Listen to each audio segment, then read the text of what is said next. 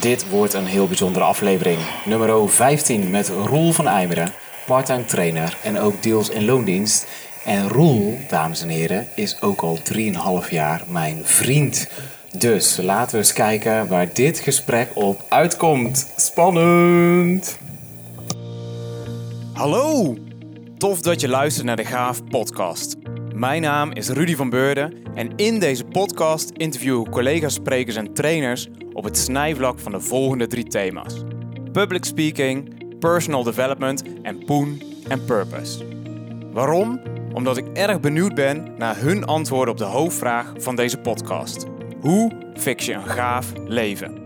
Dus, ben je ook benieuwd naar antwoorden op deze vraag? Of ben je op zoek naar meer energie in je leven en meer helderheid in je hoofd? Zet je dan schrap, want hier komt een volgende aflevering.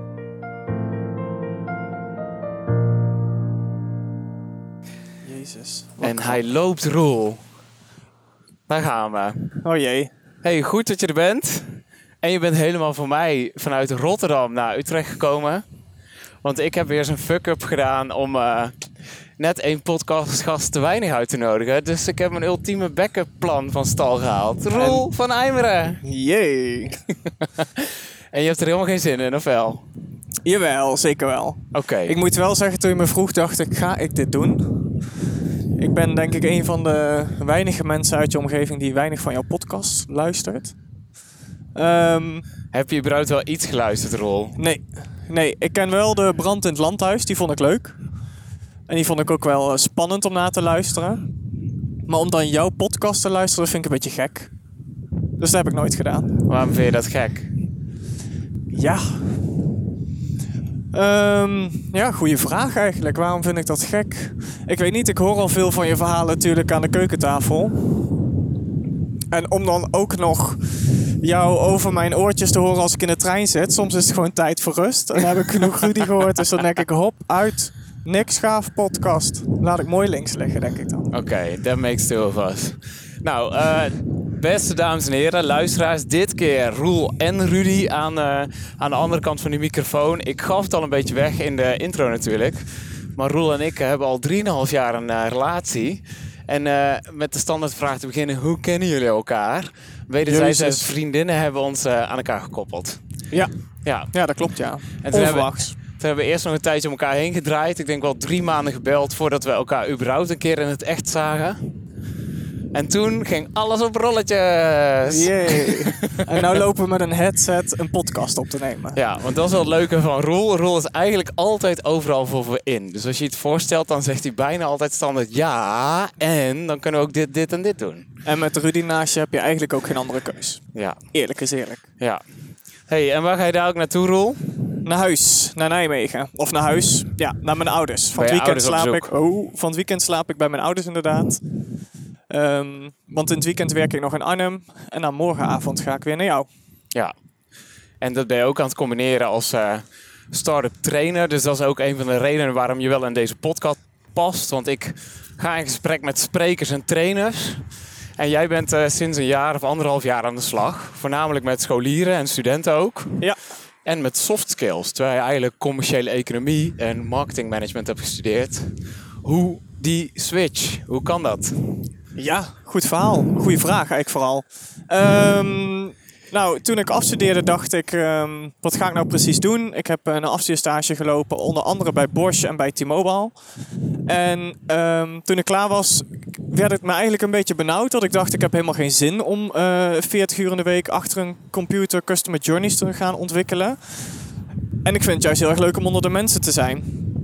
Dus op het moment dat ik hoorde dat ik dus geslaagd was voor mijn verdediging... en jullie, onder andere jij en pa en ma aan het einde van de gang stonden... dacht ik, oh, ik heb, ben eigenlijk helemaal niet zo blij. En ik snapte eigenlijk niet waarom ik niet zo blij was... maar dat was vooral voor de angst dat ik aan een vaste baan moest gaan beginnen... en ik eigenlijk niet precies wist wat ik wilde. Terwijl ik altijd al dacht dat ik gewoon een vaste baan wilde... op een hoofdkantoor bij een groot merk... en dat was gewoon waar ik van droomde. Maar die voor, ja, misschien de voorspelbaarheid of het feit dat het meteen allemaal zo definitief werd, dat werd me een beetje te heet onder de voeten. Dus toen ben ik eigenlijk gewoon als ZZP'er allerhande klusjes gaan doen. Van het eh, doen van onderzoek voor een droombedrijf. Tot aan helpen bij een marktonderzoek naar fertiliteitsmonitoren voor vrouwen. tot aan onder andere ook trainingen doen. Uh, mede geïnspireerd natuurlijk door jou. En de eerste keer toen ik bij jou mee ging kijken, dacht ik: oké, ik ga gewoon wel kijken wat hij doet. Maar wat er ook gebeurt, ik zeg dat ik het hoe dan ook niks vind. Want ik denk, ja, ik ga echt niet jou achterna, doei. I'm an independent strong man, dacht ik. maar goed, toen zat ik daar en toen dacht ik, kak, het is eigenlijk best wel leuk, dat trainen. En um, ja, voor groepen staan en met mensen werken is toch eigenlijk alles wat ik miste uh, op het moment dat ik stage liep op een hoofdkantoor. Ja. Bij een Bosch of een T-Mobile. Want die dynamiek die vind je heel vet. Ja, dat is super gaaf. En gewoon um, verschillende mensen ontmoeten op verschillende plekken zijn. Iedereen met zijn eigen verhaal. Uh, iedereen heeft natuurlijk van alles meegemaakt. En dat is gewoon heel leuk en inspirerend tegelijkertijd om daarmee te mogen werken. En de flexibiliteit in je werk en dat je iedere keer weer iets anders tegenkomt, dat zorgt in ieder geval dat het nooit saai wordt. Mm -hmm. We moeten hier even overstreken, want we gaan aan de andere kant inchecken. De tram pakken. Ja, want we reizen een beetje vanaf een locatie in Utrecht terug naar het station. En tegelijkertijd zijn we deze podcast aan het doen. We kunnen multitasken. Yes, ingecheckt. En die allereerste keer, volgens mij, als ik me goed herinner, was dat een klus voor Jong Impact. En was het voor een weekendschool in Amsterdam Zuidoost. Ja. Waar ik met een trainer voor de groep stond. En toen moesten we in alle vroegte al met de trein naar Amsterdam toe. En toen ging ik een keertje mee kijken. Weet, Ja. je, weet je nog hoe die allereerste keer was? Ehm, nou ja, ik kan me inderdaad nog herinneren dat het inderdaad in Amsterdam was. En het was een vrij eh, drukke groep. Ja.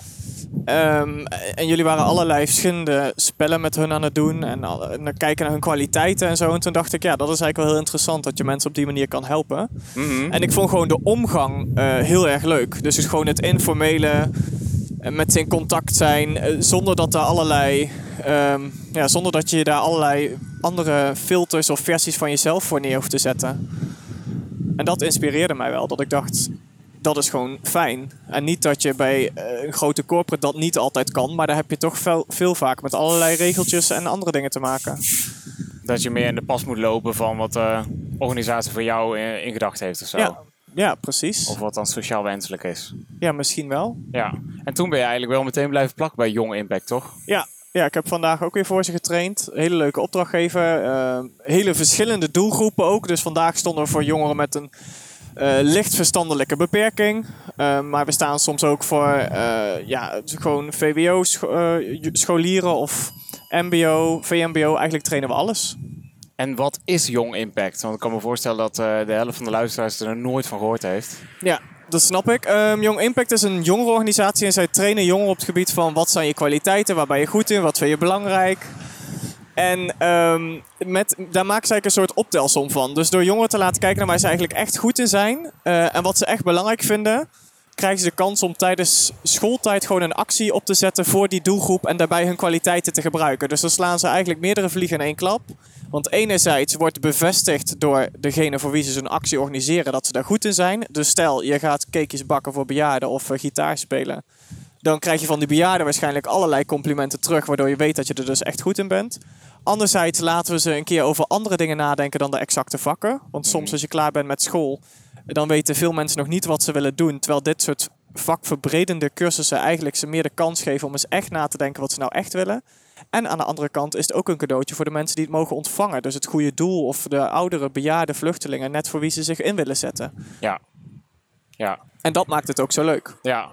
En dat ben je toen eigenlijk gaan doen. Daar, daar start je dus als vrijwilliger. Dus het zijn heel veel Ja. jongeren die dat naast een studie of naast een baan doen. Ja, Maar klopt. eigenlijk al vrij snel heb je voor jezelf weer een plekje als senior trainer weten te bemachtigen. En eh, nu word je er wel voor betaald. Ja, ja, dat ging eigenlijk vrij snel. Ik had ook niet bedacht dat ik echt met trainen mijn geld zou kunnen gaan verdienen. Mhm. Ondanks dat ik wist natuurlijk dat jij onder andere wel traint. Ehm, maar ja, inderdaad, toen werd ik gevraagd als senior. En toen dacht ik, oh, het kan dus blijkbaar wel. En eigenlijk rolde eigenlijk vanuit daar weer een volgende opdracht uit. Zo heb ik onder andere ook voor Bosch een training ontwikkeld. Maar dan weer heel meer marketingtechnisch. Ehm, en voordat ik het wist, werd ik gebeld door Melody. Die ken jij ook. Zeker. En eh, zij zei, goh, ik eh, geloof dat jij ook iets met trainingen doet. We zoeken nog eh, iemand nieuws bij ons in de organisatie. En ja, zo blijft die bal eigenlijk wel rollen. Ja. En zo is het eigenlijk best wel natuurlijk gegaan. Zonder dat ik een website heb of visitekaartjes of ook maar ergens echt veel moeite in heb gestopt. Eigenlijk allemaal mond tot mond. Ja. Dus eigenlijk is dat ook al een tip. Je moet gewoon gaan doen wat je wil gaan doen. En dan zien mensen dat en dan valt dat op en dan wordt er meer naar gevraagd. Ja, en, en vooral misschien niet te graag willen of zo. Want ik zie ook mensen om me heen die heel erg een, vanuit een soort geforceerde houding proberen te ondernemen of vanuit een soort geforceerde houding een bepaalde baan proberen te krijgen. Maar dat werkt eigenlijk juist averechts. En ehm, nou ja, dat geldt bijvoorbeeld ook voor een date. Als iemand zich echt ontzettend aan het opdringen is, dan wordt hij een stuk minder interessant. Oh, Dat Nou. klinkt bekend. daar kun je me van het weekend misschien nog wel meer over vertellen. Maar nu is het nog steeds eh, vrijdag, dus eh, laten we het even on topic houden. bij trainen en zo. Maar ehm, hoe zit dat bij jou dan? Ik, ik, ik kan me voorstellen dat je ook echt wel eager bent voor nieuwe opdrachten en gewoon voor inkomsten. Of ben je gewoon Ja. heel blij met een superleuke vriend die eh, toch wel prima verdient? Nou, jezus. Nee. Nee, zeker niet. Nee, ja, ik ben heel blij met je. Maar nee. Ehm tuurlijk vind je belang, is het belangrijk dat je ook wat verdient. En ehm, soms komen er wel eens opdrachten voorbij of dingen, eh, klussen voorbij waarbij, of misschien ook wel eens banen, dat mensen zeggen van ja, goh. eh, we betalen je niet echt of weinig, maar god, je krijgt wel een mooie LinkedIn-connectie ervoor terug en een aanbeveling. En dan ehm, laatst had ik iemand die zei: Ja, ik kreeg een baanaanbod, dus ze betaalden wel heel slecht. Maar ja, ik kreeg dus wel een LinkedIn-aanbeveling en een nieuw netwerk en eh, skills en zo. En toen zei ik: Ja, maar ja, uiteindelijk, als je bij de supermarkt komt, dan kun je ook niet betalen met: eh, met ik ge- geef je drie connecties en een superlike op Tinder. Je moet gewoon je paprika afrekenen. En dat geldt ook voor ons als trainers zijn. hè. Ja, dus daarmee wil je zeggen, je moet ook wel gewoon voor een tarief gaan staan en dat gaan vragen. Ja, hoe moeilijk ik dat zelf soms ook nog steeds vind hoor. Maar vaak als je ehm, de opdracht, het bij de opdrachtgever laat liggen, of in ieder geval dat is mijn ervaring, dat ze soms ook zelf gewoon al over de brug komen. Zo had ik één opdrachtgever die zei, ja, maar je hoeft het niet vrijwillig te doen. We leggen daar gewoon dit tarief voor neer. En toen dacht ik, oh, kijk, zo kan het ook gewoon. Ja, ja, ja. Dus soms moet je dat gat laten vallen of de wens uitspreken of gewoon eh zelf Ja. ook de supermarktmetafoor eh, op tafel gooien. Ja, en ja, wat ik al zei, ik ben dus zelf niet super eager op zoek gegaan naar allerlei nieuwe opdrachten. Maar dan komt het eigenlijk vanzelf. Ja, ja. En, en soms, als je dus dingen niet graag wil, dan kiezen ze juist jou. En om maar een voorbeeld te geven. Ik was eh, heel onhandig geweest om in een hele drukke planning iets toe te zeggen. Bij T-Mobile hielden ze een soort eh, castingdag voor medewerkers die eh, nou dan iets goeds hadden gedaan. En, eh, of, of waar ze potentie in zaten. Dus Want van de... dat is het bedrijf waar je parttime nog in loondienst Ja, bent. klopt. Daar ben ik inderdaad nog part-time bij een loondienst. En zij hadden een eh, soort dag uitgeroepen. Waarbij allerlei medewerkers geselecteerd werden. En een uitnodiging kregen om op casting te komen. Mhm. Om daar te laten zien wat je allemaal in je mars had. Oh, hier is de tram, daar stappen we eventjes in. Ja, en dat was gewoon een oproep naar alle medewerkers. Eh, nee, ja, ja, ik geloof dat alle medewerkers zich wel konden aanmelden. Maar ik werd op dat, eh, op dat moment uitgenodigd daarvoor. En ehm, uiteindelijk voelde ik me daardoor zo gevleid. En eigenlijk ook zo, vond ik het zo moeilijk om tegen mijn regimentje daar nee tegen te zeggen. Dat ik dacht, ja, ik ga gewoon meedoen, ik zie het wel. En ik weet nog wel dat ik ochtends de trein uitstapte. En toen dacht ik al, oh, dit wordt best wel lastig tijdstechnisch gezien. Dus stiekem hoopte ik eigenlijk niet dat ik het zou winnen. Omdat ik toen al had gevoeld van, dit gaat qua tijdsplanning heel strak worden. En wat gebeurt er als je iets heel graag niet wil winnen? Ja, dan sta je aan het einde van de dag dus op een podium in een soort theaterzaal waar mannen of 30, 40 van hoofdkantoor, retail en sales breed staan te juichen en te klappen. En er uiteindelijk ook nog een receptie wordt georganiseerd met alcohol en alles om te vieren dat jij geselecteerd bent. Om vervolgens een week later tot de conclusie te komen dat je eigenlijk nooit geselecteerd had willen worden en dan toch maar de hele kermis af te blazen. Mhm. En dat is eigenlijk net zo pijnlijk als gewoon vanaf het begin af aan nee tegen iets zeggen. Dus soms misschien ook gewoon selectief zijn en waar je ja en nee tegen zegt. Geen keuzes maken om anderen te pleasen. En wat ik al zei, als je dus iets niet graag wil. En als je, dan straal je blijkbaar een soort van nou, rust of zo uit. Of hard to get. Ja, nou, ik weet niet wat het magische erachter is. Maar uiteindelijk wer- werd ik toch geselecteerd. Terwijl ik dacht, ik heb echt hier maar 60% gegeven. Mhm. Maar hoe ga je nu de komende weken, maanden, jaren keuzes maken op basis waarvan? Moeilijke vraag. Oké, die gaan we even parkeren en ik hoop dat ik hem daar ook nog herinner. het is makkelijker om terug te kijken, want wij kennen elkaar nu 3,5 jaar. Ja. En ik zei daarnet al tegen iemand met wie ik samenwerkte vandaag bij Rijkswaterstaat in Utrecht. Het frappante van Roel is wel eigenlijk dat toen ik hem leerde kennen was het best wel zo'n rechtsachtig VVD-jongetje uit het dorp, uit de buurt van Nijmegen. Nou, nou, nou, nou. Maar nu ben je af en toe wel een beetje linksig eh jongerenwerker aan het worden. Wat helemaal niet verkeerd is. Maar ik denk, volgens mij ben je dus heel erg veranderd in een paar jaar tijd, of niet? Of zijn je, be- de- je belangstelling is anders geworden of breder geworden? Of je bent nu soft skill trainer voor jongeren. Terwijl je voorheen commerciële economie en marketing management hebt gestudeerd. Dat maar- zijn best wel twee verschillende werelden, toch? Ja, dat klopt. Ehm, alhoewel ik denk dat die twee werelden dus ook steeds beter samen kunnen gaan. Omdat marketing en sales, en vooral het klassieke sales, van iemand iets verkopen. Ik denk dat mensen daar steeds resistenter voor worden en steeds minder op een soort van verkopen zitten te wachten. En juist die echte soft skills, dus handelen en, en, en een verkoopgesprek voeren vanuit echte oprechte interesse en echt het beste met de klant voort willen hebben. Ik denk dat dat veel duurzamer is dan ja, sales trucjes op iemand toepassen. Dus enerzijds ben ik het met je eens, maar anderzijds denk ik dat soft skills relevant zijn in ieder vakgebied. En niet per se alleen, ehm, of in ieder geval niet dat dat niet past binnen sales of marketing. Maar het klopt wel dat ik inderdaad daar nu specifiek training op geef. En niet zozeer alleen op sales en marketing. Mhm. En zou je dat wel willen? Ehm, nou, voor T-Mobile geef ik wel trainingen aan salesmedewerkers. Ehm, ja, sales en marketing blijft heel interessant. Maar die soft skill trainingen zijn wel gewoon ontzettend leuk om te doen. Omdat die gewoon... Ik vind mensen interessant. Ik vind het interessant om te ontdekken hoe dingen, dingen werken binnen psychologie. En hoe gedachteprocessen werken. Soms test ik ze ook wel eens op jou, zoals je Oh. Misschien wel eens door hebt gehad. Ja, ja, ja. Misschien ook niet. Nou, hierna kan ik het natuurlijk nooit meer doen, dus ik had het eigenlijk niet moeten zeggen. Te laat. Maar Nee, ik vind dat dus super interessant. En, en om, om mensen daar dan mee te kunnen helpen, of dat deelnemers aan het einde van de workshop naar je toe komen en zeggen: Ik vond het echt super interessant. Of dat je een week of twee weken later nog een berichtje krijgt van: Ik heb daar echt iets aan gehad. Ja, gewoon dat gevoel dat je daar dus iets in hebt kunnen betekenen, van betekenis zijn of relevant zijn in hetgene wat je doet. Ja, dat wil eigenlijk iedereen. En ik dus uiteindelijk ook. Ja. Van betekenis zijn, zoals je al zegt. Ja, ja, ja. Vet. En ehm, hoe makkelijker is het om die lessen die je leert soms ook op jezelf toe te passen? Want het lijkt nu, ook als ik het volgende ga zeggen, alsof wij alles non-stop samen doen. Maar niets is minder waar, want we gaan heel erg ons eigen pad en we zijn super eigenwijs allebei. Dus we Ja, vooral jij. ja, zeker ik. Dus we pakken vooral onze eigen koers. Maar jij hebt mij anderhalf jaar geleden een keer geholpen met een soort van strategiedag. Met posters en dingen. En eh, wie is je ideale klant? De MIC, de meest ideale klant. En wat is je gewenste omzet? En wat wil je wel doen en wat niet? Hoeveel uur per week zit je achter de computer? En hoeveel sta je voor een groep? Ja, Maar ja. ik weet al welke kant je op gaat. Doe je dat ook wel eens met jezelf? Nee. Waarom niet? Ja, dat is heel moeilijk. Dat is net zoals dat mensen soms zeggen: Oh, je kan echt, eh, je, je, je, je moet me helpen met sales of met verkoop of met weet ik veel wat, onderhandelen. Ja, ik vind onderhandelen vind ik hartstikke leuk. Dat is gewoon een soort spel.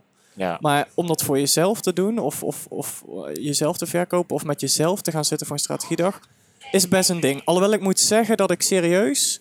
Afgelopen week heb ik in mijn agenda eh, gezet een opdracht voor mezelf over twee weken om daar eens goed nog een keer over na te denken. Van ben ik nog steeds op het pad bezig waar ik blij mee ben? Want ik denk dat dat wel belangrijk is om die vraag jezelf regelmatig te stellen. En je loopt het gevaar tijdens het ondernemen, maar ook gewoon bij een vaste baan, dat je zo in een soort van flow terechtkomt waarin je maar gewoon doet wat je doet. Ehm, en je er misschien pas na een lange tijd achter komt dat je eigenlijk iets doet wat je niet meer wil doen. Dus vandaar dat ik wel denk dat het relevant is om die vraag jezelf regelmatig te blijven stellen. Doe ik nog wat ik leuk vind?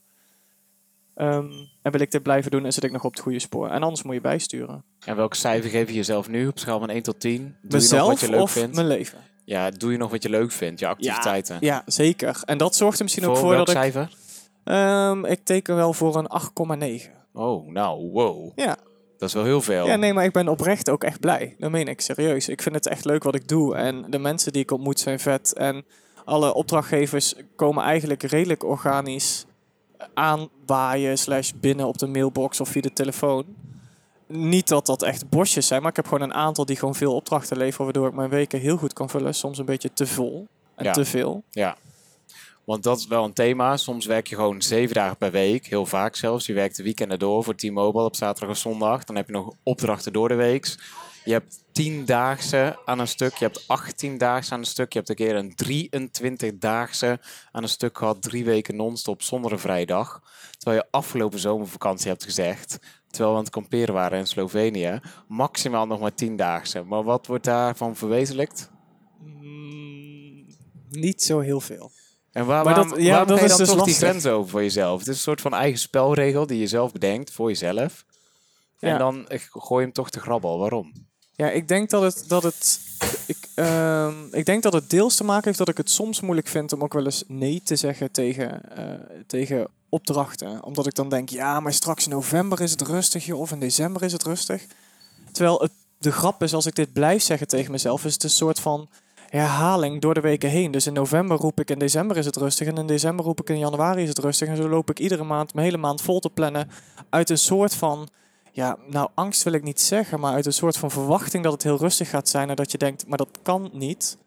Terwijl ik regelmatig anderen adviseer om geniet, te genieten van de rust en pak hem gewoon en want voordat je het weet is je week weer vol. Ik, ik heb bijvoorbeeld een vriendin die zat, eh, zit, nou zat, want inmiddels heeft ze een nieuwe baan, kei goed, maar die zat een tijdje zonder werk.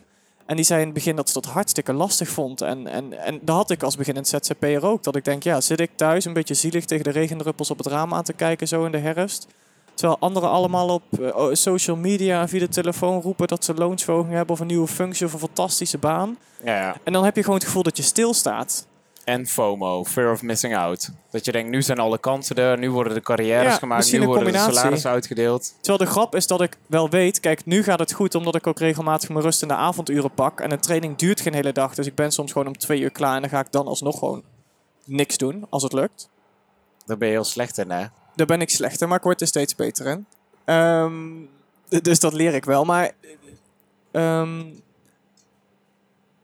En is het het fear of missing out, noemde ik, maar is het ook een kwestie van vergelijken met anderen, met vrienden of met andere mensen op socials of nou, nou met mij? je, je vergelijkt je sowieso, denk ik, altijd. Ik ben daar wel minder waarde aan gaan hechten, omdat ik me in het begin er dus heel erg bewust van werd, wat ik al zei. Dat als je thuis zit en dat je om je heen kijkt en dat je denkt, ik zit stil. Terwijl ik nu achteraf besef dat op de momenten dat het rustig is, ook als ondernemer, of om wat voor reden je dan ook komt, thuis komt zitten, of nou een burn-out is of verplicht of vrijwillig ander werk. Die momenten moet je aangrijpen om te genieten. Dat zijn gewoon vrije dagen die je bij een baas onder vakantiedagen niet zomaar achter elkaar gek- eh, geregen krijgt. Ja, ja. En die dus worden- het is oké. Ja, ja en, en dat zeg ik nu. Dat had ik eigenlijk eh, anderhalf jaar geleden toen ik begon tegen mezelf willen zeggen. En toen riep jij het al, maar daar ben ik dan weer te eigenwijs voor. Ja. Daarom Maar zeg ik nu nu maar denk zo ik, min oh, mogelijk, toch? Doe mij maar even gewoon drie weken niks als het kan. Vind je dat ik heel sturend ben Waarin? in jouw werk en jouw carrière? Och joh, je hebt het touwtje in handen. Nee, nou, grapje, mocht je niet. willen. Dat nee, denk ik nee, juist nee. niet. Nee, ik doe juist, als je naar naar links zegt, zeg ik vaak expres naar rechts. Omdat ik wil laten zien dat ik zelfstandig Oh, keuzes maak. verschrikkelijk. Zo ben ik ook. Zijn- Wat dat betreft zijn we zo hetzelfde. Maar wat een heel groot verschil is, wat nog niet benoemd is... Ook, wij schelen acht jaar. Dus jij bent gewoon een kleine spruit en ik ben een hele oude man. En de grap is, als we Maar naast elkaar je op de dit foto zegt, dat staan... klinkt echt zo niet sexy. Ja, dat klinkt helemaal niet sexy, nee, sorry. morgenavond Nee, maar- slaap ik op de logeerkamer. Oké, prima. ik kan nog zoveel knippen natuurlijk. Hè. Waar gaat hij naartoe? Dit is echt raar. Net zeiden ook al gewoon... Vandaag sprak ik mensen. Ik zei, daar ga ik met Roel een podcast opnemen. Wat? Met je eigen vriend is dat niet super awkward? Ik zei, we zien wel waar het naartoe gaat. Maar er is dus wel een serieus leeftijdsverschil. Ondanks dat je dat niet kunt zien. Maar daardoor ben ik wel op sommige vlakken... Ook carrière en inkomen natuurlijk wel een paar stappen verder. Wat logisch is. Ja. Maar vind je dat, wat vind je daarvan? Ja, dat is soms wel moeilijk. Ja, ja, ja. Eerlijk is eerlijk. Want dan En- wil je mee in de pas lopen. Of... Ja, ja, want je wilt toch een soort van gelijkwaardigheid nastreven in een relatie. In ieder geval, ik vind dat belangrijk. Hmm. En ehm, dat wil je het liefst op zoveel mogelijk vlakken bereiken. En, en, maar feit is, het, het voelt gewoon, dat heb ik ook wel eens tegen anderen gezegd, het voelt soms voor mij, en op het moment dat ik daar weer bewust van word, dan kan ik er ook iets mee, maar het voelt soms gewoon een beetje als een soort van hardloopwedstrijd, Ja, ja. waarvan je de ander gewoon echt vijf kilometer op een soort lange rechte weg voor je uitziet. Ja. Waarvan ik weet dat ik je nooit ga inhalen, maar waarvan ik ook weet dat als ik rustig aan blijf lopen, ik ook niet in de buurt zal blijven van jou. Ja, maar als je dat blijft proberen en je weet gewoon dat het niet lukt, dan is het, het proberen gewoon al pijnlijker dan het, het niet inhalen van die andere persoon. Nou, nee, daar ben ik het niet helemaal mee eens, want... Even uitchecken. Ja. Daar ben ik het niet helemaal mee eens, want het zorgt er wel voor. En, dat, en in principe ben jij niet de factor die er nou voor zorgt dat ik hard loop of zo. Want ik ben altijd wel een streber geweest die ehm, het liefst gisteren nog dan vandaag iets voor elkaar zou hebben gehad. Ik ben iemand die het liefst alles à la minuut wil regelen. Ja, jij bent super ongeduldig. Ik ben eh, best wel ongeduldig. Dus het, jij, jij doet daar wel zeg maar een extra stapje voor mij bovenop. Dus dat, dat, daar zorgt het wel voor. Maar ik ben van mezelf van nature al iemand die wil streven. En om even terug te komen op het feit waarom ik denk dat het dus niet negatief is. Het zorgt er wel ook voor dat je stappen zet die je normaal misschien niet zou maken. Maar die er wel voor zorgen dat je vooruitgang boekt. En die je dus ook heel veel positieve dingen opleveren. Als je een grotere uitdaging aangaat dan wat eh, anderen doen of zo. Ja, want als je niemand hebt die naast je staat om je uit te dagen. Ik bedoel, zie het een beetje als een voetbalwedstrijd. Als je niemand tegenover je hebt om de wedstrijd mee te spelen. Nou, is het niet dat wij dus in een wedstrijd zitten. Maar het zorgt er wel voor dat je soms extra getriggerd wordt. Ja, ja. Als ik iemand naast me zou hebben zitten die ehm, zich daar helemaal niet mee bezig hield. Met werk of eh, wat hij allemaal zou willen doen. Dan zou ik daar ook veel minder door getriggerd worden om daar zelf kritisch over na te blijven denken. Dus een beetje gezonde ambitie om je heen kan wel stimulerend werken. Ja, zolang je er zelf maar wel bewust van blijft uh, dat het impact op je heeft en in hoeverre je dat je nog helpt. Want op het moment dat het dus niet helpt, omdat je gedrag gaat vertonen wat niet bij je past, of omdat je veel te grote dingen wil en je er eigenlijk helemaal de pan uitstresst, ja, dan moet je wel bij jezelf te raden gaan. Is het nou geen tijd om even een paar weken rust te nemen? Of, Heb je wel eens meegemaakt? Dat je helemaal de ehm, pan uitstresst? Dat je te ver ja, nou, terugkomend op die opdracht van T-Mobile, toen dacht ik, holy shit, ik zit vier dagen per week te werken, plus het weekend is zes. Ik had nog maar één dag in de week vrij, eigenlijk. Mm en uh, T-Mobile met hun uh, programma vroegen ook één dag in de week. En dan het liefst flexibel. Dus dat betekent ook dat ik opdrachten moest gaan afzeggen. En toen dacht ik, ja, dit, dit, dit ga ik gewoon niet trekken. Nee, ik dat was gewoon... echt te veel. Je had werk voor acht dagen, terwijl er maar zeven dagen in een, in een week zitten. Ja, precies. En, en je hoort dan soms om je heen van een burn-out en zo. Dan denk ik, oeh, dat wil ik niet te vaak horen. Want dan ben ik veel te bang dat zoiets mij zou kunnen overkomen. Maar dit was wel een moment waarvan ik dacht, oké, ieder wel denkend mens snapt dat dit geen verstandige stap is. Dus laat ik dit dan toch maar terugdraaien. Kijk je ook even naar de foto voor... Uh... Ja. we zijn inmiddels op Utrecht Centraal. Het is helemaal goed gegaan. Vanaf Rijkswaterstaat met de tram naar Utrecht Centraal. Ehm, dat brengt me op het uh, kopje reizen. Want dat doen we extreem veel door het hele land. Um, allebei. Dus vandaag was jij in Rotterdam overdag en ik hier in Utrecht. Nu ga jij naar Nijmegen en ik terug naar Eindhoven. En soms zijn we gewoon bij elkaar en soms ver weg van elkaar. Maar wat vind jij van dat reizen? Want dat is wel inherent aan het vak van trainer zijn. Ja, dubbel. Soms, um, op sommige dagen is het, het, reizen kan best wel vermoeiend zijn. Vanochtend was het echt extreem voor jou, toch? Ja, ja toen vielen alle treinen, alles wat uit kon vallen, viel uit. Ik mocht samen met uh, Lara trainen in Rotterdam. Mm. En de trein vanaf uh, Eindhoven naar Boksel reed niet. Nou, allemaal drama, drama. En uiteindelijk kon zij met de auto, maar vervolgens had zij een oude diesel van voor 2000. En wie bedenkt het dat bijna heel Rotterdam Centrum bestaat uit milieuzones. Oh ja, ja. Dus wij stonden echt drie keer aan de kant van een soort brug of zo waar we overheen mochten. Of een soort weg. En dan was het weer afgesloten, konden we weer om. Dus uiteindelijk heb ik met mijn beste lulstrategie bij een soort heel luxe, exclusief hotel uh, mezelf naar binnen gepraat als een soort van gast. Hebben die auto er neer mogen parkeren. Hebben we daar oh. wel tegendronken en een goede fooi gegeven. En die hebben we daar vervolgens maar twee uur laten staan. Want er kon anders ook niks. Ja, ik dacht, het is, voor, het is voor een goed doel. Want die kinderen die wij moesten trainen, die uh, werden heel blij van ons. Dus die oh. konden het goed gebruiken. Jij krijgt ook alles altijd voor elkaar, hè? Ja, ja, nou ja, nou nee. Nou niet altijd, maar ik doe er wel mijn best voor. Ja, dat zeker. Zo door die breien gaan, dan kunnen we allebei tegelijk. Oh nee, dat kan niet, toch? Ja, ik moet ook een check en jij ook. Tenzij jij niet wil gaan betalen vandaag. Maar, uh... Jawel. En dan wacht jij maar even. Ja, dan blijft hij open. Oké, okay, we're in Utrecht Centraal. Dus ja, dat, dus dat reizen kan soms lastig zijn, maar soms is het ook heel fijn omdat het wel tijd biedt om bijvoorbeeld de boekhouding te doen of een uh, boek te lezen of je te verdiepen in uh, aanvraag van een klant of om uh, reisadministratie te doen, ja, kilometervergoedingen. Ja, het gewoon lekker flex werken. Ja, want in de auto kun je natuurlijk niet op je laptopje werken en in de trein wel. Dus het, kan ook heel ontspannend zijn. Ja, dat is voor mij de reden dat als ik naar Utrecht of Amsterdam moet, ik eigenlijk vrijwel altijd met de trein ga. Maar net als bij jou vanochtend reden ook voor mij de treinen niet. Dus ik zat om half zeven al in de auto naar Vught om daar over te stappen op de trein en dadelijk weer uh, daar naartoe te treinen. Maar je wil even iets eten of niet? Ja. Waar wil je naartoe? Naar de stationshuiskamer. Daar hebben ze broodjes volgens mij van Laplace. Of in ieder geval lekkere broodjes. Is dat, daarboven of is dat een andere? Uh, ik denk dat is koffiehuis is dat. Nee, dan moet je iets verder oh, lopen. Oh, die? Daar is het? Nee, nee, nee, nee. nee. Daar, helemaal vooraan. Oh, en hieronder heb je ook nog een Laplace, maar daarboven kun je zitten. Die nou. bistro centraal, daar kun je via deze trap. Oké, kies er maar één. Hier, de trap. En dan uh, gaan we langzaam omhoog, omhoog, omhoog naar het licht, naar de mooie koepelhal. En dat brengt me weer terug bij die eerdere vraag. Waar wil je naartoe werken? Van commercieel commerciële economie jongen naar uh, social skill trainer. Jezus, hoe heb je deze vraag onthouden? Ja, dit zit ik had echt gehoopt dat je hem zou gaan panel zo achter in mijn hoofd. Ja, dat blijkt. Um, waar ik naartoe wil werken? Ja, dat is een hele goede vraag. Kijk, voor... misschien één ding tussendoor. Want als jij niet uitgedaagd wordt, dan functioneer je niet naar behoren. En dat heb ik wel een keer gezegd, zonder dat ik me te veel met jou zakelijke ontwikkeling wil uh, bemoeien. Maar voor Rijkswaterstaat deed ik vorig jaar een masterclass in de zomer voor alle jong professionals met de centrale boodschap Step up your game. Ik vind dat ze daar wel een tandje bij mogen zetten qua ergens de tanden inzetten of een project helemaal tot voltooiing brengen. Maar dat zei ik een maand geleden ook tegen jou. Als dingen te makkelijk afgaan, dan kun jij ook uh, stepping up your game toepassen. Maar Ja. dat vond je niet zo leuk, of wel? Nee, nee, nee, jouw ongevraagde adviezen word ik nooit heel blij van. maar nee, Welke nee, ja, nee. wel? Eh, Nou, vooral, kijk, soms zijn periodes gewoon super druk. En eh, dan denk ik, nu even niet. Ja. Maar step up je game, ja, natuurlijk moet je jezelf blijven uitdagen. En ehm, ik denk ook wel dat het iets is waar ik de komende periode van na wil denken. Maar ik heb nou zoveel nieuwe opdrachtgevers dat ik eerst daar weer even wil gaan checken eh, wat daar voor mij nog te leren valt. Voordat ik ehm, allerlei nieuwe dingen weer ga aanboren. Mhm. Dus ik ben eigenlijk gewoon oprecht heel tevreden. En ik denk dat er voor mij nog veel te leren valt. Ehm, dus ja, ik, jouw zin hou ik wel in mijn achterhoofd. Maar als we het dan hebben over hoe kom je tot rust, niet door jezelf constant naar. Uit te dagen. Ja, dat is nou, een beetje contradictioneel natuurlijk.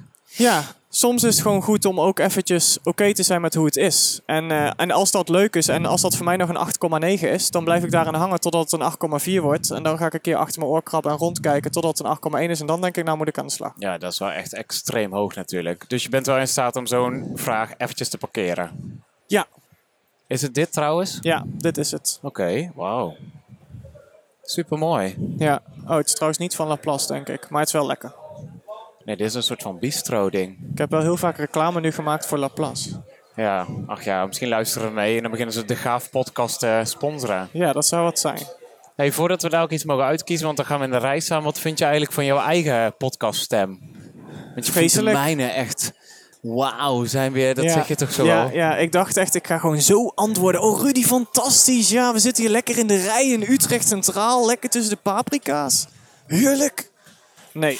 Ehm, ik praat gewoon zoals altijd. En zo train ik ook. En dat vind ik ook het leuke aan het vak. Je hoeft geen tweede versie van jezelf te zijn. Of eh, een andere stem op te zetten. Of eh, anders te doen. Ik vind mensen die zeggen van ja, ik heb een werk- en privérol. Of, of, of wat, ik, wat ik thuis doe, dat hoeven ze op het werk niet te weten. Ja, dat snap ik wel. Maar gewoon jezelf zijn is denk ik gewoon heel belangrijk. En als trainer kan dat gewoon echt. Vet. Hey, we kunnen daar ook wel eh, iets bestellen. Wil je dat eerst doen of zeg je we pakken nog 10 minuten en dan ronden we hem af? We gaan eerst wel zitten. Oké, dan zijn we even bij jullie weg. Tot straks.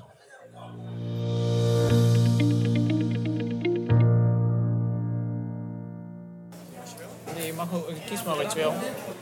Mij, eh nee, het is geen radio. Ik wil wel eh, de dagsoep, alsjeblieft. Ja, heel goed. De dagsoep, alsjeblieft. Ben je nou het nee. Ook ja. Ben je aan het opnemen? Nee, dat is niet waar. Je staat stil. Je moet gewoon een promotie maken nu. Waar moeten alle mensen naartoe? Bistro Utrecht Centraal. Welkom, welkom, welkom. Kijk, you're quick on your feet. Heel goed. Voor mij de bonbonsoep en voor jou? Ja, maar die hebben ze niet. Oh, sorry. Ja.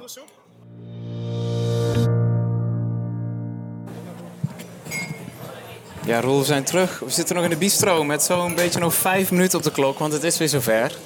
Het Ja. is eh, half zeven 's avonds en ik moet dadelijk over zeven minuten de trein pakken naar Den Bosch. En ondertussen is onze bestelling nog eh, in verwerking. Dus zo dadelijk gaat er zo'n lekkere harde pieper Ja, af. zij had net hele goede promotie gedaan, maar als je echt snelheid wil maken, dan kun je beter naar de kiosk gaan. Nee, dat is niet waar. Normaal is hij heel snel en lief. En het is lekker. Hey, we rollen dadelijk allebei een andere kant in, eh, richting het weekend. En morgen ga je weer werken. Ja. En morgenavond zien we elkaar, want dan hebben we een feestje natuurlijk van jouw zus. Hartstikke leuk. Maar voor de afronding van deze podcast, on topic, kun je nog iets vertellen over omgaan met weerstand in de groep? Want je hebt de meest uiteenlopende doelgroepen, zei je al, met Jong Impact onder andere. Middelbare scholen en van alles. Oh, daar gaat hij. ja. Je broodje kroket is klaar, Rudy. Ja. Als jij daar nou iets over vertelt, ga ik de bestelling halen. Ja, dat is Hoe goed. ga je om met weerstand in de groep? Hele goede vraag. Ehm, ja, hoe ga je om met weerstand in de groep?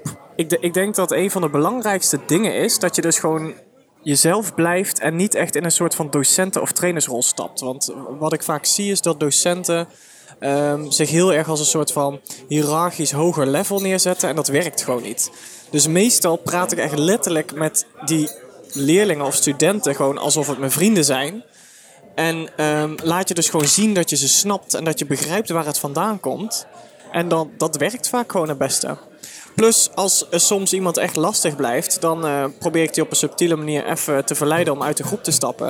En dan ga ik gewoon eventjes met hem gesprek aan en zeg ik, goh, ik heb jou keihard nodig vandaag, want dit en dit moeten we gaan doen met de groep.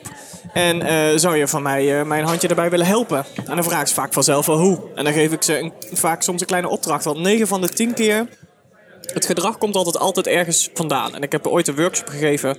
Met een dik moet je lullen. Eh, Lekker ironisch Pardon? en dubbel. Hoe? Ja, die is wel hard. Met een dik moet je lullen. En die ging dus letterlijk over...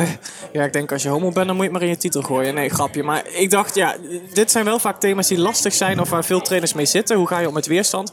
Ga het gesprek aan, weet je? Sommige mensen gaan dan een soort van indirect het gevecht aan... of gaan er heel strak op zitten...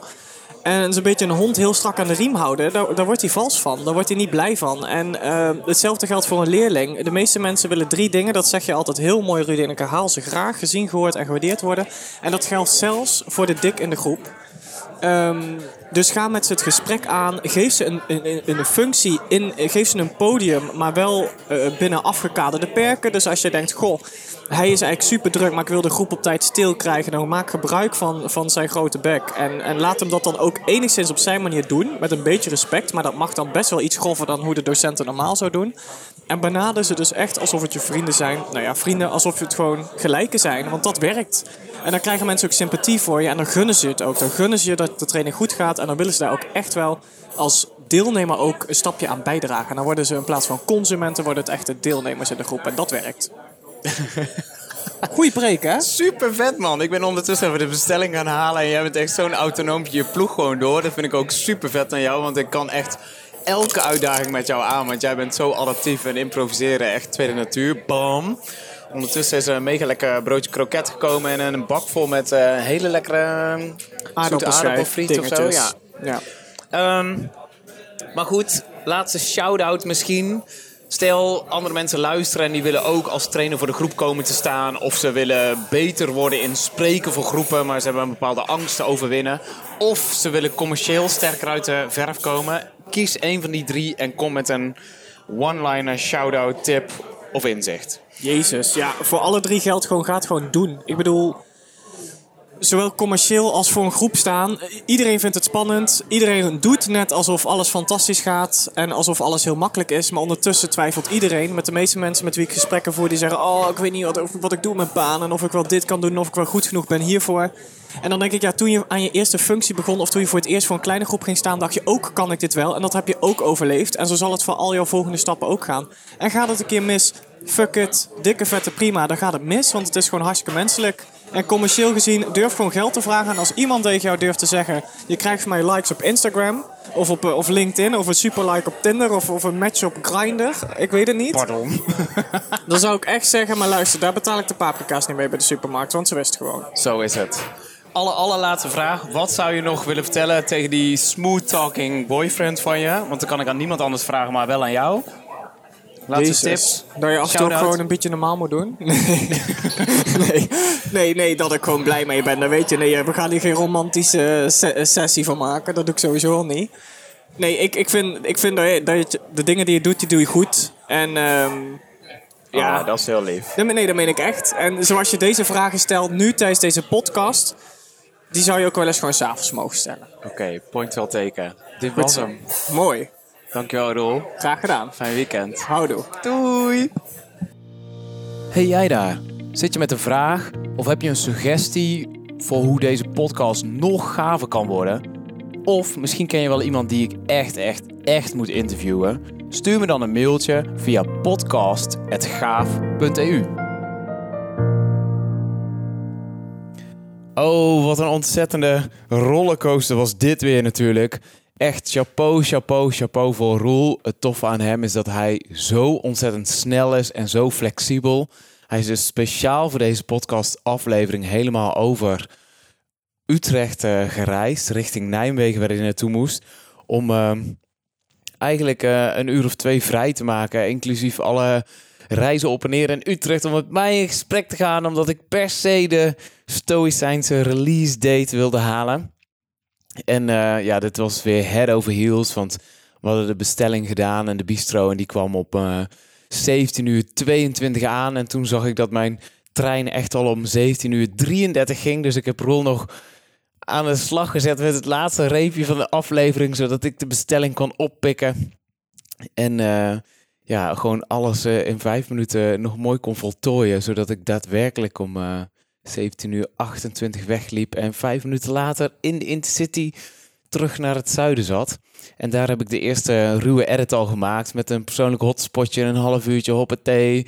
Heel de episode al ge- gemixt, zo gezegd.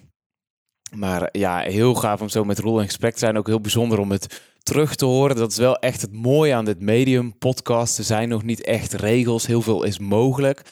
En ik eh, heb Roel dus zeker ook gevraagd, omdat de hoofdvraag van de podcast is: hoe je een gaaf leven? En ik vind Roel echt een supersterk voorbeeld van hoe snel hij denkt en hoe ja, eh, gewoon vol overgave hij op doelen afstapt. Hij laat zich niet zomaar ehm, afschrikken. Drempels in de weg vindt hij helemaal niet erg. Daar, daar verzint hij razendsnel allerlei oplossingen voor. Hij heeft dus ook allerlei side hustles nog naast T-Mobile en zijn eigen soft skill en sales trainingen. Zoals Wifi to go, een bedrijfje dat hij runt eh, met Mifi-kastjes. Dat is vooral voor eh, internationale gasten in hotels bijvoorbeeld die hier ook willen internetten, maar niet eh, uit Europa komen.